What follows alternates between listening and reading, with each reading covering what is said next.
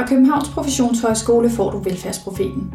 Her præsenterer vi dig for ny viden og idéer til, hvordan velfærdsprofessionerne kan bidrage til, at velfærdsstaten giver værdi for borgerne. I Velfærdsprofeten vil vi afdække aktuelle og fremtidige udfordringer i den danske velfærdsstat. Det sker i samtaler med forskere, velfærdsprofessionelle, brugere og borgere. Bag mikrofonen finder du Maja Huk og Lotte Andersen.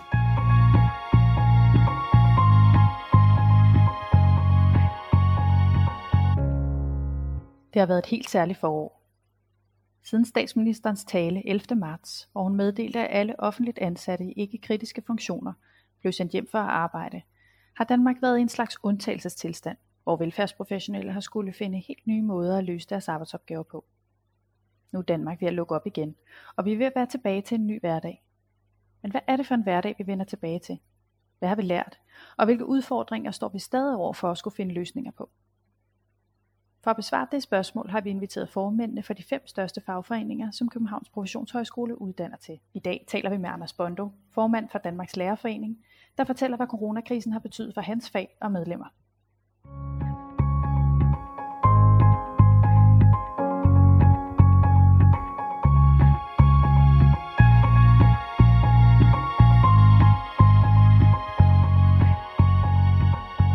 Velkommen til, Anders. Øhm, dit fag, eller de medlemmer, du repræsenterer, I har jo været igennem en kæmpe omvæltning. Først blev børnene sendt hjem for at blive hjemmeundervist, og så blev de sendt tilbage i skolen på helt særlige vilkår. Og, øh, så på den måde kan man sige, at det virkelig har påvirket jeres øh, faglighed. Hvad ser du som de vigtigste ændringer, som følger coronakrisen for dine medlemmer og de elever, de har skulle undervise? Altså det, jeg synes, vi fik et øh, meget, meget konkret øh, og stærkt eksempel på, det var jo, hvad betyder professionalisme? Øh, hvad betyder det, at vi har en veluddannet øh, lærerstab i folkeskolen? Altså det er helt rigtigt, den omstilling har været helt ekstraordinær. Det var jo med ganske få dages varsel, at man skulle gå fra almindelig klasseundervisning til virtuel undervisning, og det kastede lærerne sig over. Og, og, og den måde, som de kunne sætte deres øh, grundkompetence, deres didaktiske evner i spil på en helt ny måde, det øh, er jeg så imponeret over, og det tror jeg, at rigtig mange har været. Og så gik der ikke lang tid, så var det pludselig en ny situation med også øh, en, en fremme undervisningsformer, hvor, hvor lærerne kastede sig over det. Så, så det står for mig som sådan den, øh, den helt store øh, oplevelse i den her situation. Øh, en anden ting, som jeg vil fremhæve, det er den øh, fantastiske evne til at, at lære af hinanden og, og bruge hinandens erfaringer. Der opstod lynhurtigt nogle netværk, hvor man hjalp hinanden med, med de her nye udfordringer. Øh, det står også for mig som øh, virkelig ja, noget, som, som vi som profession kan være rigtig stolte af. Og nu blev man jo tvunget ud i at omstille sig fra fysisk til digital undervisning fra den ene dag til den anden. Er der nogle erfaringer, man kan tage med sig, tænker du, når vi vender tilbage til en mere normal hverdag? Jamen, jeg synes, de her ekstreme situationer har i, har i virkeligheden på mange måder bekræftet en, en viden, vi havde i forvejen. Øh, det er klart, at, at øh, der foregik øh, meget både god og spændende undervisning på den måde, men det blev også meget hurtigt utroligt tydeligt, hvor stor betydning det har for børns undervisning, at den foregår i et socialt rum, altså i klassen, at øh, hele den der øh, relationskompetence, som læreren skal være i besiddelse af, hvor vigtig den er, øh, lærer-elev-relationen, øh, den kommer vi lynhurtigt til at mangle. Øh, man kan godt lære noget på, hen, på skærmen, men, men hvis vi for alvor skal øh, have effekt af en god undervisning, så kræver det, at det foregår i det her sociale rum, og at det, der er den tætte relation mellem lærer og elev. Så, så det står så åbenlyst for os nu øh, efterfølgende. Det er jo ikke noget nyt. Det har forskningen fortalt os længe, men nu fik vi det bare dokumenteret på en, på en meget øh, tydelig måde. Øh, så er det også klart, at øh, vi har også lært noget om at bruge nogle nye medier i undervisningen. Og det skal vi selvfølgelig også tage med ind i, i øh, skolen efter corona. Og nu siger du det her med de tætte relationer, de blev tabt lidt, da børnene blev hjemsendt. Til gengæld så de små grupper, der blev, øh, man var nødt til at have, da man vendte tilbage, hvor børnene blev delt i mindre grupper, gav jo mulighed for nogle helt tætte relationer, og også nogle andre samarbejdsformer mellem pædagoger og læger. Har det ført noget med sig, som I kan bruge fremadrettet? Der er jo ingen tvivl om, at, at øh, netop de her mindre grupper, hvor, hvor lærer-elev-relationen øh, fik nogle langt bedre muligheder, at det er der mange, der har øh, givet udtryk for, har været en meget positiv oplevelse. Og ikke mindst øh, det, vi kunne kalde de mere udsatte børn, har jo øh, i den grad lukreret på det. Vi ved jo også, at forældrene til de børn har, har sagt, at de har ikke haft så glade børn øh, længe, som de oplevede efter, at, øh, at der netop var nogle mindre grupper, og læreren havde tid til den enkelte elev. Og det er jo noget af det, som jeg også tror, øh, ministeren har bidt mærke i øh, med de udtalelser, som hun er kommet med. Vi har jo længe sagt, at vi skal passe på, at vi ikke prioriterer kvantiteten på bekostning af kvaliteten. Og, og det synes jeg igen, vi har fået god dokumentation for, at, øh, at det er faktisk vigtigt, at eleverne har nogle gode undervisningstimer, frem for at de har mange undervisningstimer. Og det er vel også derfor, at ministeren nu begynder at snakke om, måske skal vi kigge på folkeskoleloven, måske skal vi lave nogle justeringer, måske er den lange skoledag ikke så heldig, som den har været indtil nu. Øh, så det er i hvert fald meget konkret øh, erfaring. Så tror jeg også noget af det, som vi kan konstatere, det er, at øh, klasselærernes betydning står lysende klart. Øh, det er jo noget, udlandet har misundt os i mange, mange år. Når jeg kommer rundt i verden, så ved man noget om, omkring den danske klasselærer, og, og, og ser det som et kæmpe plus i den danske folkeskole. Men vi har selv været øh, lidt tilbøjelige til at, og, jeg har sagt, glemme, hvor vigtig klasselæreren var i skolen. Og det har vi fået et meget klart eksempel på nu. Øh, ja, både mens øh, skolen var lukket ned, men der i høj grad også efter, at vi åbnede op igen, at, øh, at klasselæreren har en stor betydning. Og det er noget af det, jeg tror også, vi kommer til at tage med ind i, i diskussionen om, hvordan øh, får vi justeret øh, folkeskolen fremadrettet. Et andet fænomen, der har været fremhævet til inspiration til eftertiden, har været øh, det her med udeskole. Er det også noget, du ser øh, et, et potentiale i fremadrettet? Men det er helt klart, og det har jo været mange lærers øh, ønske, men det har været svært at kunne realisere øh, med, med de rammer, der har været. Men, men i forhold til den dagsorden, så kan man jo også sige, at hele det her begreb, som opstod ved den sidste folkeskolereform, hvor man taler om, om understøttende undervisning, hvor man skulle have en mere spændende og varieret undervisning, det har jo altid været vores ambitioner som lærer om at prøve at lave den spændende, varierede undervisning. Og det er jo pludselig det, der er, er, er blevet skabt nogle rammer for øh, i den her periode. Og derfor håber jeg også, at det kan være med til, at vi kan få taget en snak om, om vi ikke skulle droppe den her kunstige opdeling i, at der er noget, der er almindelig undervisning, og der er noget, der er understøttende undervisning. Det er jo netop den form for undervisning, vi gerne vil inddrage i den ganske almindelige faglige undervisning. Altså man kan lave rigtig meget god matematikundervisning, i udskolingen øh, gennem forskellige projekter osv., og, og det er jo den måde, eleverne lærer allerbedst på. Så, øh, så, så jeg håber, at vi kan bruge de her erfaringer til at prøve at få øh, taget en, øh, også en politisk diskussion om den, synes jeg, kunstige opdeling i, i forskellige undervisningsformer. Øh, vi skal lave en varieret undervisning i alle fag, på alle klassetrin. Det står der faktisk i folkeskoleloven. Og øh, det synes jeg, vi har fået et godt afsæt til at tage en anden diskussion om, hvad, hvad betyder det med de erfaringer, vi har gjort. Og hvad skal der til, altså ud over at, at ophæve adskillelsen mellem understøttet undervisning og mere traditionel undervisning, hvad skal der så til for, at man kan implementere de her erfaringer? Overskriften på det spørgsmål, det er større frihed til skolerne. Øh, og det er også noget det, som ministeren hun har, har givet udtryk for. Øh, hun har sagt, ja, både offentligt, men der i høj grad også til, til os lærere og, og til mig, at øh, hun er så imponeret over, at hvordan lærerne har løst den her situation, når de pludselig blev ja, dels tvunget til det, men også fik friheden til det.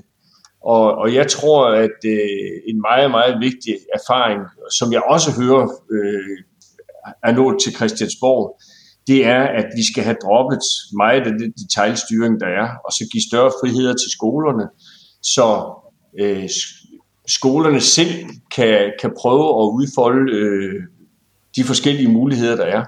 Der er en kæmpe stor forskel på en skole, en landsbyskole, og så en skole, der ligger på, på Nørrebro eller i andre større byer. Og derfor har vi brug for nogle, nogle frihedsgrader ude i folkeskolen. Og det er både frihedsgrader i forhold til bestemmelser øh, fra Christiansborg, men det er det altså også i forhold til, til de kommunale bestemmelser. Det viser sig jo, at øh, når kommunerne tit brokker sig over, at der er lagt snævre rammer ned over øh, deres muligheder, så er det tit og ofte øh, kommunerne selv, som har været, været dem, der har stået i spidsen for at lave øh, reglerne. Så øh, Lad os prøve at vende styringskæden på hovedet. Lad os give øh, lederne større ansvar sammen med, med, med lærerne, og så prøve at, at få løst de udfordringer, der er. Det styrker kreativiteten og, og, og giver helt sikkert bedre undervisning efter min mening. I forbindelse med skolereformen, der øh, oplevede mange lærere jo en manglende både politisk respekt, men måske også manglende forældreopbakning i forhold til deres øh, faglige ekspertise. Oplever du, at den her nuværende krise har givet en genoprejsning til faget, når du taler om, at ministeren for eksempel øh, anerkender jer, og oplever du generelt i befolkningen, at der er kommet en øget anerkendelse for lærergærningen igen? Ja, det oplever jeg i høj grad, men jeg tror også, det er vigtigt at, at nuancere øh, den problemstilling lidt, fordi det har hele tiden været sådan, at lærerne har faktisk følt, at blandt forældrene til de elever, som de underviste, der har de altid oplevet en stor respekt. Fordi det er så tæt på, og, og forældrene vidste godt, at det er en dygtig lærer, og, og, og så videre. Det har mere været det her generelle billede af lærerne, øh, og, og det er da helt rigtigt, at det blev jo sådan, synes vi, øh, systematisk nedbrudt op til 13, fordi man skulle igennem med de her ændringer, både omkring lærernes arbejdstid og omkring øh, folkeskoleloven. Øh, og, og det har haft nogle kæmpe store omkostninger øh, for faget og for professionen. Og derfor øh, er, ja, mit svar på de spørgsmål, det er ja, det, det har den her periode været med til at genskabe respekten for lærernes professionalisme. Og det var også lidt det, jeg nævnte i starten, at, at det er det, jeg synes, der står så tydeligt, at den faglighed, den professionalisme, som lærerne er i besiddelse af, få den, give den fri, øh, så kan vi få øh, en klart bedre skole og, og øh, og det, det, det er der potentiale for nu, det tror jeg helt bestemt der er. Så det er jo meget positivt, men der har jo også været nogle udfordringer i forhold til genopstarten. Øh, både har nogle læger givet udtryk for bekymring for, vil de selv være i smitterisiko, hvis de havde familiemedlemmer, der var særligt udsatte, men der har jo også været beskyttelsen af børnene, da de vendte tilbage, som har haft nogle omkostninger. Man har jo set de her frygtelige billeder af børns hænder, der er blevet ødelagt efter øh, de har vasket hænder for meget. Hvordan som lærer håndterer man, at man på den ene side har en, øh, hvad skal man sige, pædagogisk eller lærerfaglig øh, beskyttelse af børnene, og samtidig også en sundhedsfaglig beskyttelse af børnene? Jeg, jeg synes, dit, øh, det rummer ligesom to forskellige ting, det du er inde på her. Der, der var jo dels bekymringen øh, for, for læreren selv og lærerens familie. Og det var klart, at i starten, der, der var der store frustrationer, fordi Samtidig med, at læreren, der var i risikogruppen, fik at vide, at nu skal I gå på arbejde, så stod der inde på øh, Sundhedsstyrelsens øh, hjemmeside, at enhver i risikogruppen burde, burde øh, hvad hedder det, isolere sig. Og, og den signalforvirring, den, den skabte selvfølgelig en stor utryghed. Øh, heldigvis så fik vi sendt nogle spørgsmål til Sundhedsstyrelsen, som vi fik nogle utrolig grundige og kvalificerede svar på, og da vi kunne sende det ud til lærerne, så faldt der meget hurtigt ro på den del af det. Øh, så er det klart, at det har været svært for mange lærere at skulle sende børn hen og vaske fingre, når man kunne se, hvordan de hænder de var, var ved at blive ødelagt. Og, og det har virkelig været sådan øh, et dilemma, som lærerne har stået i. Og, og ja, vi kan altid være bagklog. Der skulle vi jo have været langt bedre til at, at, at tænke i nogle alternativer. Jeg tror rigtig mange steder, så øh, er problemstillingen ikke nær så stor. Man har fået creme, som kan, kan tage det værste øh, af, af og så videre. Øh, men det, det er helt klart, at der har nogle lærere stået i et, i et frygteligt svært dilemma, øh, fordi øh, ja, det er klart, at det, det er jo børnenes øh, helbred og, og velfærd, som betyder allermest for os, og, og derfor har det været svært at skulle samtidig og følge de her meget rigide retningslinjer. Og når du sådan øh, løfter blikket og kigger lidt fremad, er der så andre udfordringer, du tænker, dem kommer vi til at stå over for nu her på, øh, på bagsiden af coronabølgen? Jeg tænker eksempelvis på, øh, har, det, har det kostet noget, at det kun i gåsøjne har været øh, nødundervisning osv. I, i foråret? Altså det, der har været vores helt store bekymring, det var jo ikke mindst, da, da skolen var helt lukket, at de elever, som i forvejen havde den dårligste opbakning hjemmefra, det var jo også dem, vi havde sværest ved at nå. Øh, vi fik rigtig mange henvendelser i Danmarks Lærerforening med, med bekymringer for, hvad skal vi gøre? Hvor meget kan vi tillade os? Må vi tage ud og banke på døren for at, at, at opsøge eleverne? Øhm, og, og noget af det, jeg synes, vi skal være meget opmærksom på, når vi starter op efter sommerferien, det er, er der nogle elever, som vi skal have et særligt fokus på i en tid øh, fremadrettet. Øh, og, og, og det tror jeg, der vil være. Øh, jeg synes både lærere og skoleledere har gjort alt, hvad de kunne for at prøve at, at opsøge de elever, som, som vi har svært ved at få fat i. Men det er, jo en, det er jo en problemstilling i den almindelige skole, og det var en ekstrem problemstilling, da, da skolen lukkede ned. Øhm, og der står vi så med en helt særlig udfordring for øh, den del af eleverne, som skifter afdeling, havde jeg nær sagt. Altså vi har mange afdelingsopdelte skoler, og på nogle skoler, der er det jo sådan en ret øh, markant skifte, at den gruppe lærere, der var omkring eleven, op til 3. eller 4. klasse, alt afhængig af, hvordan man har indrettet sig, de bliver skiftet ud med en ny gruppe lærere.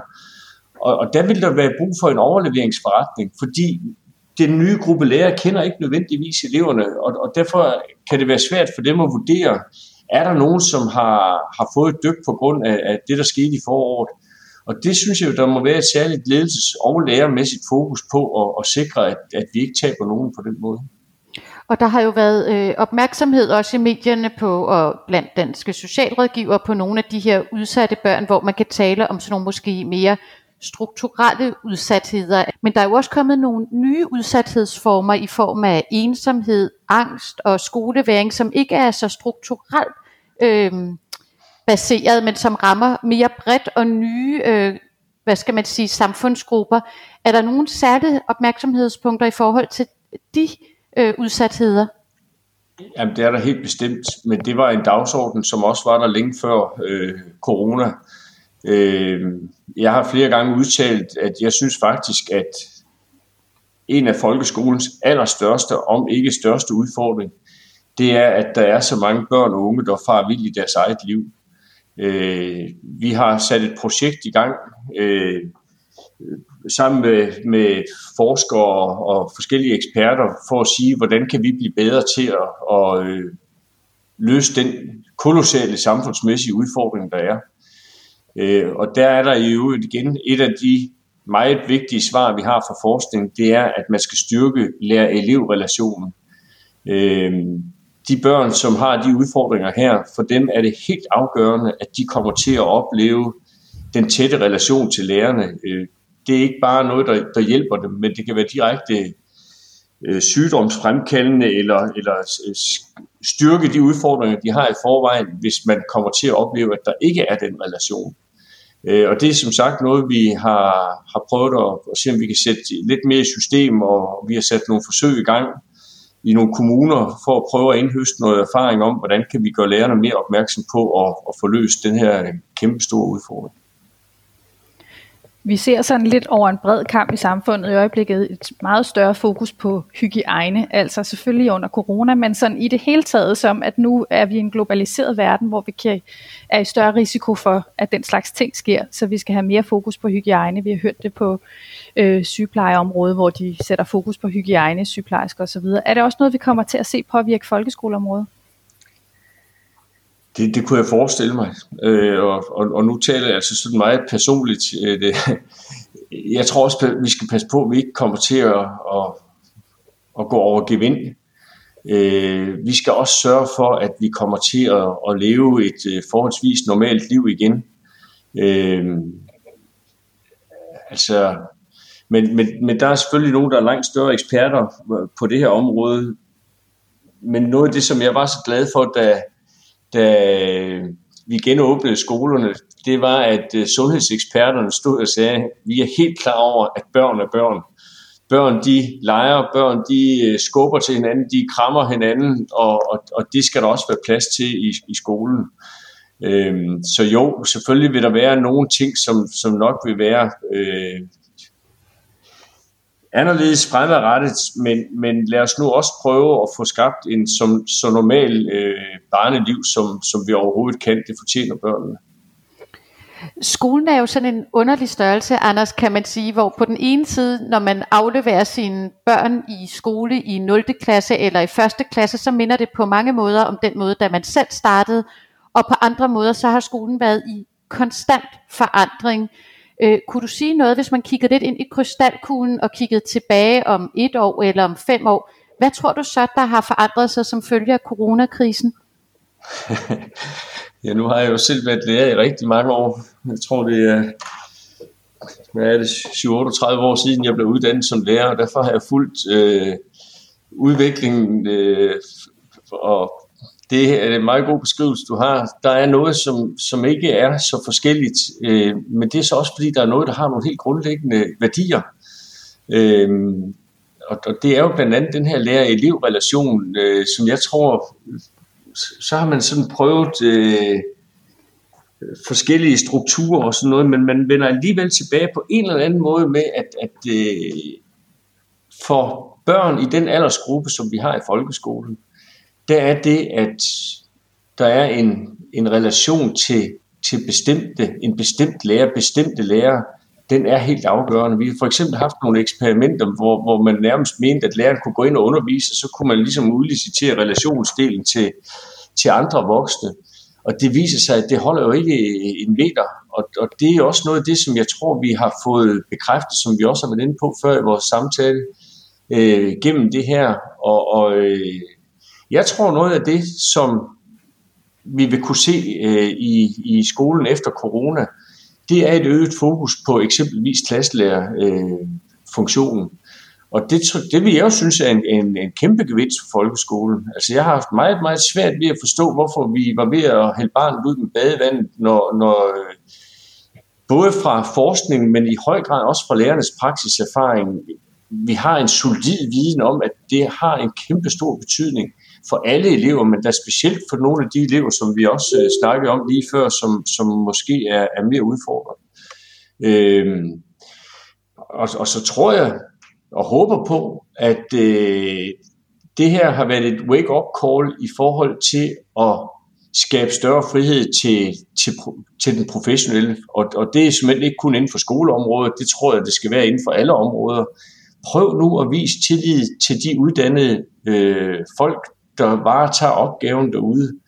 Sådan et helt konkret eksempel, så øh, er det jo øh, en del år siden, hvor jeg deltog i en, en stor international konference, så øh, spørger man så den finske undervisningsminister, hvordan søren kan, man, kan eleverne i Finland lære noget, når man ikke har nogle præcise mål, politisk fastsatte mål for, hvad de skal lave. Og så stod den finske minister som et stort spørgsmålstegn, og så siger hun, jamen hvorfor skulle vi dog det? Det har vi ikke forstand på. Det er jo det, vi har uddannet lærerne til. Og vi, kan vi bruge corona-erfaringerne til at prøve at få genskabt den tillid til de fagprofessionelle, øh, så tror jeg, at vi har, har hentet en kæmpe gevinst. Og med det kig i øh, krystalkuglen, så tror jeg, at vi vil sige tusind tak, fordi du delte dine refleksioner med os i dag, Anders Bondo. Selv tak. Det var en fornøjelse.